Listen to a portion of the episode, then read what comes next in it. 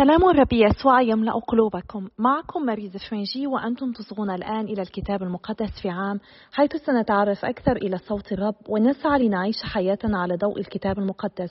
نحن مستمرون في قراءتنا من سفر التكوين إلى سفر الرؤيا نحاول أن نكتشف قصة الخلاص وأين نحن منها. ولقد وصلنا إلى اليوم المئة والثلاثة والستون بالأمس قرأنا عن انقسام مملكة إسرائيل أو شعب إسرائيل إلى مملكتين مملكة الجنوب ومملكة الشمال. مملكة الشمال كانت هي الأكبر وتتألف من عشرة أسباط. أما مملكة الجنوب فكانت تتألف من سبطي يهوذا وبنيامين وهي التي منها سيأتي الرب يسوع. وقد قلنا في السابق إن الله سيبارك العالم كله من خلال إسرائيل أي من خلال الأسباط الاثني عشر. ورغم أن مملكة الشمال كانت هي الأكبر إلا أن هذه البركة ستحدث بشكل خاص من سبط يهوذا من مملكة الجنوب. نحن سنتكلم عن المملكتين ولكننا سنركز أكثر على ما يحدث في مملكة الجنوب وهذا الانقسام وهذه الحروب التي حدثت بين المملكتين. فلنبدأ قراءتنا لليوم المئة والثلاثة والستون ونقرأ اليوم الفصل الثالث عشر من سفر الملوك الأول الفصلين الثاني عشر والثالث عشر من سفر الأخبار الثاني والفصل الثاني من نشيد الأناشيد. سفر الملوك الأول الفصل الثالث عشر. الحكم على مذبح بيت إيل. فإذا برجل من رجال الله قد أتى من يهوذا بأمر الرب إلى بيت إيل ويربعام واقف على المذبح يحرق البخور فنادى على المذبح بأمر الرب وقال يا مذبح يا مذبح. هكذا قال الرب.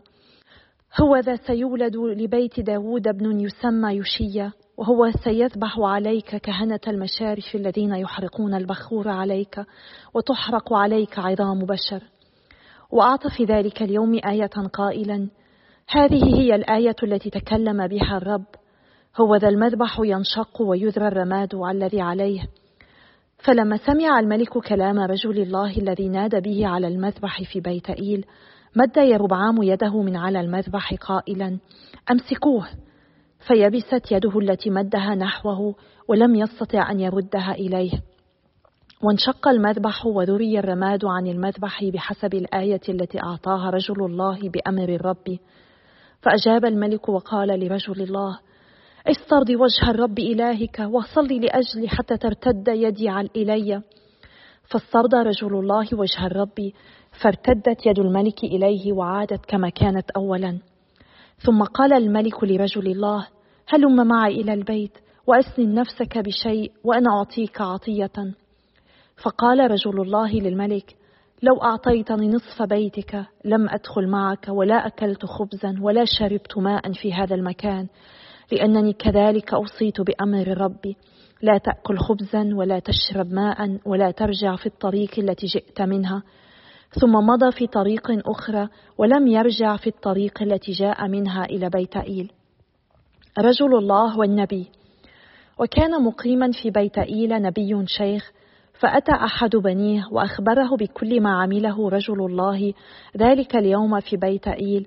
وقص بنوه على أبيهم الكلام الذي تكلم به إلى الملك فقال لهم أبوهم في أي طريق ذهب؟ فأراه بنوه الطريق التي ذهب فيها رجل الله الآتي من يهوذا. فقال لبنيه شدوا على الحمار. فشدوا له على الحمار فركب عليه ومضى في إثر رجل الله فوجده جالسا تحت البطمة. فقال له أأنت رجل الله الذي أتى من يهوذا؟ قال أنا هو. فقال له هلم معي إلى البيت وكل خبزا. فقال له لا أستطيع أن أرجع ولا أن آتي معك ولا أن آكل خبزا ولا أن أشرب ماء معك في هذا المكان. لأنه قيل لي بأمر ربي لا تأكل هناك خبزا ولا تشرب ماء ولا ترجع سائرا في الطريق التي ذهبت فيها. فقال له أنا أيضا نبي مثلك وإن ملاكا خاطبني بأمر الرب قائلا أرجعه معك إلى بيتك فيأكل خبزا ويشرب ماء. وكان ذلك كذبا فرجع معه وأكل خبزا في بيته وشرب ماء. فبينما هما جالسان إلى المائدة كان كلام الرب إلى النبي الذي أرجعه ونادى برجل الله الذي أتى من يهوذا قائلا هكذا يقول الرب لأنك عصيت أمر الرب ولم تحفظ الوصية التي أوصاك بها الرب إلهك ورجعت وأكلت خبزا وشربت ماء في المكان الذي قال لك في شأنه لا تأكل فيه خبزا ولا تشرب ماء فلا تدخل جثتك قبر أبائك. فلما انتهى من أكله وشربه شد له على الحمار النبي الذي أرجعه ومضى فلقيه أسد في طريقه فقتله وبقيت جثته ملقاة في الطريق والحمار بقربها والأسد واقف إلى جانب الجثة. فإذا بقوم مارين فرأوا الجثة ملقاة في الطريق والأسد واقف إلى جانب الجثة. فجاءوا وأخبروا في المدينة التي كان النبي الشيخ مقيما فيها. فلما سمع النبي الذي أرجعه من الطريق قال هو رجل الله الذي عصى أمر الرب فأسلمه الرب إلى الأسد فافترسه وقتله بحسب كلام الرب الذي كلمه به. فكلم بنيه قائلا شدوا لي على الحمار. فشدوا فمضى فوجد جثته ملقاة في الطريق والحمار والأسد واقفان إلى جانب الجثة ولم يأكل الأسد الجثة ولا افترس الحمار. فأخذ النبي جثة رجل الله وجعلها على الحمار ورجع بها ودخل النبي الشيخ المدينة ليندبه ويدفنه. ووضع جثته في قبره وندبوه قائلين واه يا أخي. وبعد أن قبره كلم بنيه قائلا إذا مت فادفنونني في القبر الذي دفن فيه رجل الله وبجانب عظامه ضع عظامي لأنه سيتم الكلام الذي نادى به بأمر الرب على المذبح الذي في بيت إيلة وعلى جميع بيوت المشارف التي في مدن السامرة. وبعد هذا الأمر لم يرتد يربعام عن طريقه الفاسد وعاد فأقام كهنة من عامة الشعب كهنة مشارف فمن شاء كان يكرسه فيصير من كهنة المشارف. وكان ذلك سبب خطيئة لبيت يربعام وسببا لإبادته واستئصاله عن وجه الأرض. سفر الأخبار الثاني الفصل الثاني عشر. عدم أمانة رحبعام ولما استقر ملك رحبعام وتقوى ترك رحبعام شريعة الرب هو وكل إسرائيل معه. ولما كانت السنة الخامسة للملك رحبعام صعد شيشاق ملك مصر على أورشليم لأنهم خانوا الرب في ألف ومئتي مركبة وستين ألف فارس. وكان عدد الشعب الذي جاء معه من مصر من اللوبيين والسكيين والكشيين لا يحصى واستولى على المدن المحصنة التي في يهوذا ووصل إلى أورشليم. فأقبل شمعي النبي إلى رحبعام ورؤساء يهوذا الذين اجتمعوا في أورشليم من وجه شيشاق وقال لهم هكذا قال الرب أنتم تركتموني وأنا أيضا تركتكم في يد شيشاق. فاتضع رؤساء إسرائيل والملك وقالوا بار الرب. فلما رأى الرب أنهم قد اتضعوا كانت كلمة الرب إلى شمايا قائلا إنهم قد اتضعوا فلا أهلكهم بل أوتيهم النجاة عن قريب ولا ينصب حنقي على أورشليم عن يد الشيشاق لكنهم يكونون عبيدا له ليميزوا بين عبودية وعبودية ممالك البلاد. فصعد شيشاق ملك مصر على أورشليم وأخذ ما في خزائن بيت الرب وخزائن بيت الملك وأخذ كل شيء وأخذ تروس الذهب التي صنعها سليمان فصنع الملك رحبعام مكانها تروسا من نحاس وجعلها في أيدي رؤساء السعاة الحارسين باب بيت الملك. وكان إذا دخل الملك بيت الرب يأتي السعاة ويحملونها ثم يردونها إلى غرفة السعاة. فلما اتضع الملك ارتد عنه غضب الرب فلم يهلكه هلاكا تاما لأنه لم يزل في يهوذا أمور صالحة. وتقوى الملك رحبعام في أورشليم وملك وكان ابن إحدى وأربعين سنة حين ملك وملك سبع عشرة سنة في أورشليم المدينة التي اختارها الرب من بين جميع أصباط إسرائيل ليجعل اسمه هناك. واسم أمه نعمة العمونية وصنع الشر لأنه لم يوجه قلبه لالتماس الرب. وأخبار رحبعام الأولى والأخيرة أفليست مكتوبة في أخبار شمعي النبي وعدو الراء بالانتساب. وكانت بين رحبعام ويربعام حروب كل الأيام. واضطجع رحبعام مع أبائه وقبر في مدينة داود وملك أبي ابنه مكانه. الفصل الثالث عشر. أبية والأمانة للكهنوت الشرعي. الحرب. في السنة الثامنة عشرة للملك يربعام ملك أبي على يهوذا ملك ثلاث سنوات في أورشليم واسم أمه ميكايا بنت أوريئيل من جبع. وكانت حرب بين أبي ويربعام فشن أبي القتال بجيش من أبطال حرب أربعمائة ألف رجل منتخبين واصطف عليه يربعام بثمانمائة ألف منتخبين من أبطال بأس. خطبة أبية ووقف أبي على جبل سمرائيم الذي في جبل أفرائيم وقال أصغوا إلي يا ربعام وإسرائيل كافة. ألا تعلمون أن الرب إله إسرائيل قد أعطى ملك إسرائيل لداود للأبد له ولبنيه بعهد ملح. فقام يربعام بنو نباطة خادم سليمان بني داود وتمرد على سيده واجتمع إليه رجال لا خير فيهم تافهون وتغلبوا على رحبعام بني سليمان وكان رحبعام فتى ضعيف القلب فلم يثبت أمامهم. وأنتم الآن تزعمون أنكم تقاومون ملك الرب الذي في يد بني داود. وأنتم جمهور عظيم ومعكم عجول الذهب التي صنعها لكم يا ربعام آلهة. أما طردتم كهنة الرب بني هارون واللاويين وأقمتم لأنفسكم كهنة نظير أمم الأرض فكل من جاء ليكرس نفسه بثور من البقر وسبعة كباش يصير كاهنا لمن ليس بإله. أما نحن فالرب هو إلهنا ولم نتركه والكهنة القائمون بخدمة الرب هم بنو هارون واللاويون منصرفون إلى عملهم وهم يحرقون للرب كل صباح وكل مساء محرقات وبخورا عطرا والخبز المقدس على المائدة النقية. ومنارة الذهب توقد سروجها كل مساء لأننا نحفظ ما يجب تجاه الرب إلهنا. وأما أنتم فتركتموه. وهوذ الله معنا رئيسا لنا وكهنته وأبواق الهتاف للهتاف عليكم. يا بني إسرائيل لا تحاربوا الرب إله أبائكم فإنكم لا تنجحون. المعركة أما يربعام فإنه أقام كمينا يدور ليأتي من ورائهم فكانوا هم قدام يهوذا والكمين وراءهم. فالتفت يهوذا فإذا القتال من أمامهم ومن خلفهم فصرخوا إلى الرب ونفخ الكهنة في الأبواق.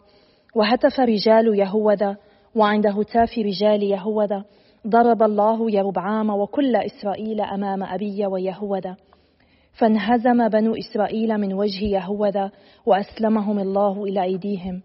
فضربهم أبي وشعبه ضربة شديدة فسقط قتل من إسرائيل خمسمائة ألف رجل منتخبون. فاتضع بنو إسرائيل في ذلك الوقت واعتز بنو يهوذا لأنهم اتكلوا على الرب إله أبائهم. نهاية الملك.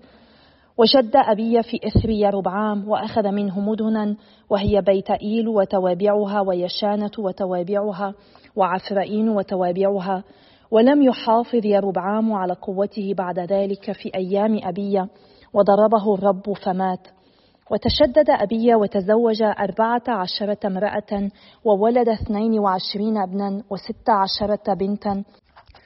وبقية أخبار أبي وطرقه وأقواله مكتوبة في مدراش النبي عدو واضطجع أبي مع آبائه وقبر في مدينة داود وملك آسى ابنه مكانه. آسى وإصلاحاته الطقسية سلم آسى وهدأت تلك الأرض في أيامه عشر سنين. نشيد الأناشيد الفصل الثاني.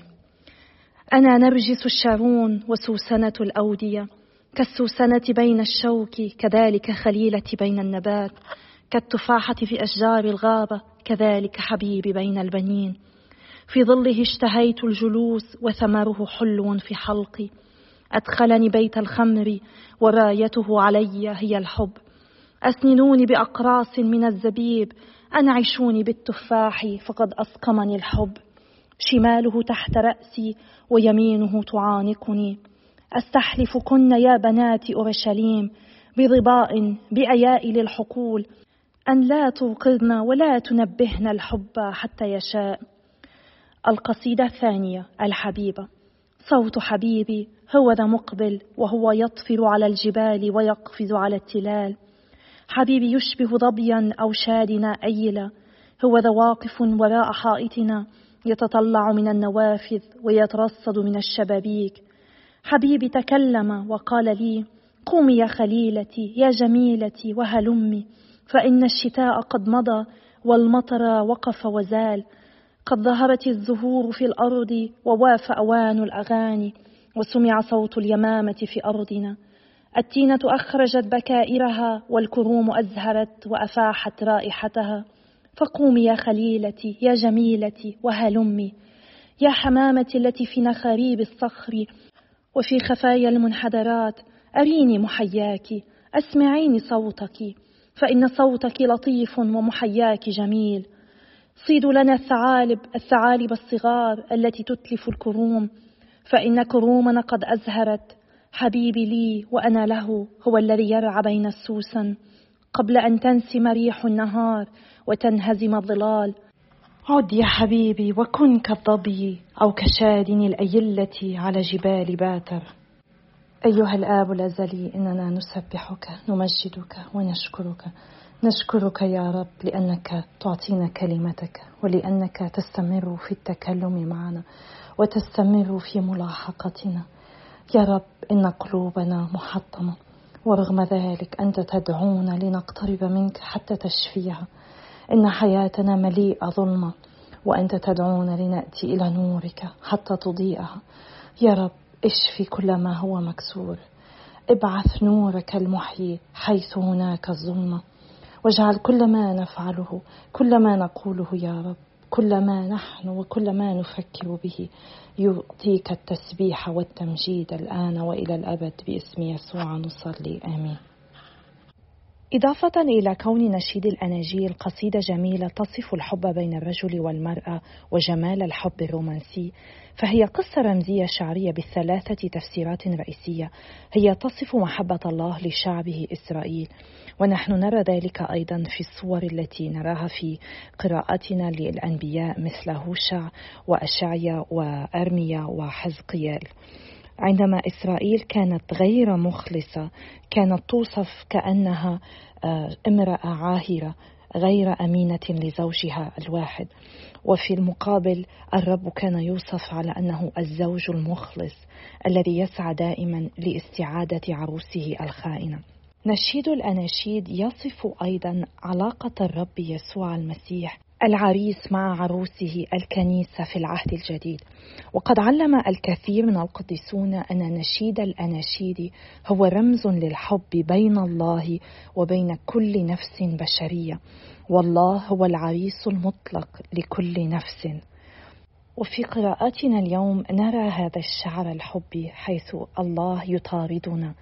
المسيح العريس يسعى وراء عروسه الكنيسة.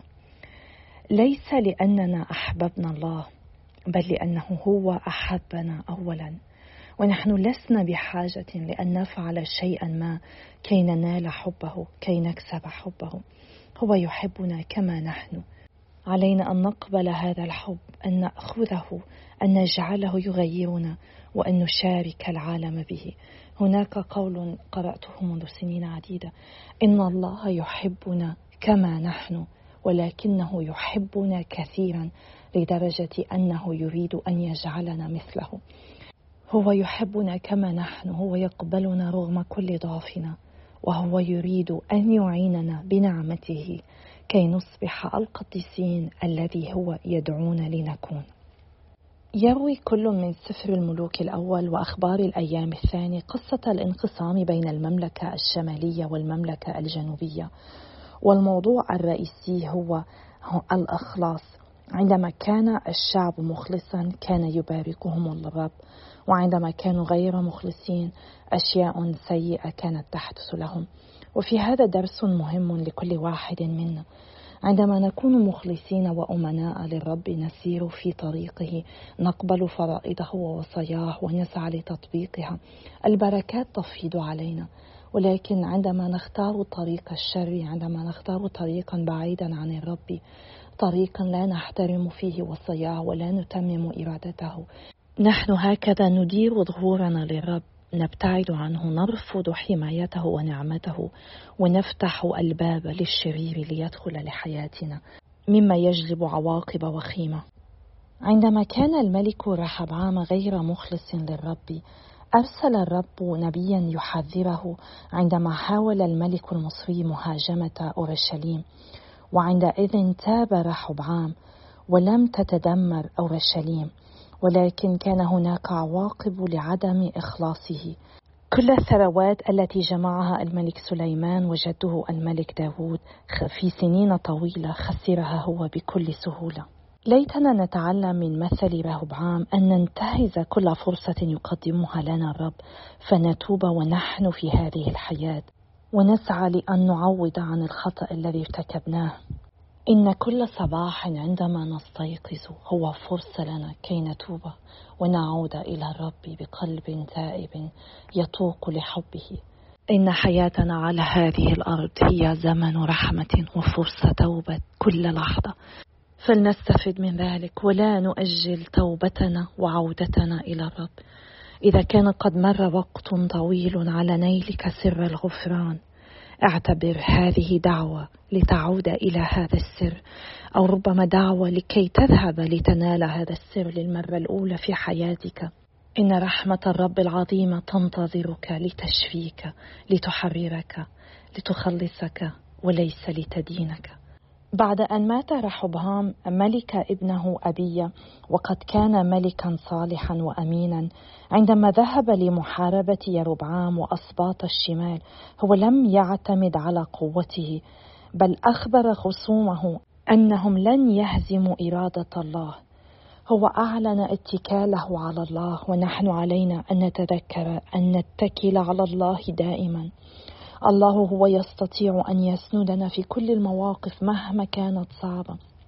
لذلك علينا دائما أن نهتم بتوبتنا وعلاقتنا بالله. هكذا نستطيع أن نحيا في فرح داخلي دائم. هذا الفرح الذي جاء الرب يسوع ليعطينا إياه. لماذا نحن نسمح لأنفسنا بأن نكون من أشقى الأشقياء؟ بينما لدينا إله محب قد أثبت حبه وأثبت أنه جدير بثقتنا. هذا الإله المحب الذي دائما يفي بوعوده لنا هو الذي قال إنه لن يتركنا أبدا سيبقى معنا إلى مدى الأزمان. قرأنا في سفر الملوك في الفصل الثالث عشر عن رجل نبي يحذر يربعام من عبادة آلهة باطلة ويرفض أن يتشارك في المائدة مع يربعام مستشهدا بتعليمات الرب الذي أوصاه ألا يفعل ذلك. وعلينا نحن أيضا أن نهتم دائما بأن نتمم وصايا الله. فنتمتع بوجوده في حياتنا وهذا سيشغلنا عن الاهتمامات في هذا العالم ويفصلنا عن شروره وأفكاره. ولكن للأسف صدق لاحقا نبيا في بيت ايل دعاه ليتناول العشاء معه قائلا له إنه قد سمع من ملاك أنه يجب أن يدعوه. إن رجل الله أكل وشرب معه وبسبب عصيانه لأمر الرب قتله الأسد. ولاحظ أن الشيخ النبي الكاذب قد تنبأ بذلك مما يجعلنا نفهم أن الله يتكلم على فم الشيخ رغم كذبه. فالنبوة هي موهبة لا تدل على تقوى صاحبها وبره ونحن قد رأينا ذلك في السابق عندما قرأنا عن بلعام الذي تنبأ وبارك شعب الله وتنبأ أيضا عن المسيح ولكنه أحب المال وصار حجر عثرة لشعبه وهلك. كما نتذكر في العهد الجديد تنبأ قياس رئيس الكهنة أيام المسيح عن ضرورة موت المسيح لفداء الأمة اليهودية. فلنتذكر إذا أن الذين لديهم موهبة النبوة ليسوا ضرورة أشخاصا أتقياء يتقون الله. ورأينا أنه بعد أن مات هذا النبي جاء الشيخ ودفنه وقد طلب أيضا أن يدفن هو هناك معه. وقد أدرك أنه هو كان مسؤولا لموت هذا الشيخ بسبب كذبه. إنها لا قصة مثيرة للاهتمام ولكنها غريبة ولكننا نرى فيها أحد المواضيع التي تتكرر في هذا الكتاب وهو موضوع رئيسي في هذه الفترة الزمنية من المملكة المنقسمة وحتى في خلال العهد القديم كله. عندما ندرك ما يريد الله منا أن نفعل يجب أن نفعله. حتى عندما نواجه التجربة في أن نتغاضى عن فعل الأمر الصحيح علينا أن نفعل ما يطلبه الرب منا بكل أمانة. لا يجب علينا أن نفعل ما نحن نرغب به علينا أن نتمم إرادة الله لا إرادتنا الشخصية. الإخلاص للرب أمر بالغ الأهمية. أن نكون مخلصين يعني أن نتبع كلام الله أن نفعل بما يوصيه فينا. علينا أن لا نسمح لرغبتنا الشخصية لشهواتنا ولأي صوت نسمعه بأن يبعدنا عن تتميم إرادة الرب. لقد رأينا ما حدث لهذا النبي لقد أعثره شخص آخر بخداعه وكلامه. هذا يعلمنا أن لا نتسرع في كلامنا وتصرفاتنا فنكون سبب عثرة لغيرنا ونهلكهم. ويعلمنا أن نميز الأصوات التي نسمعها. أهي حقا من الله أم هي من العدو؟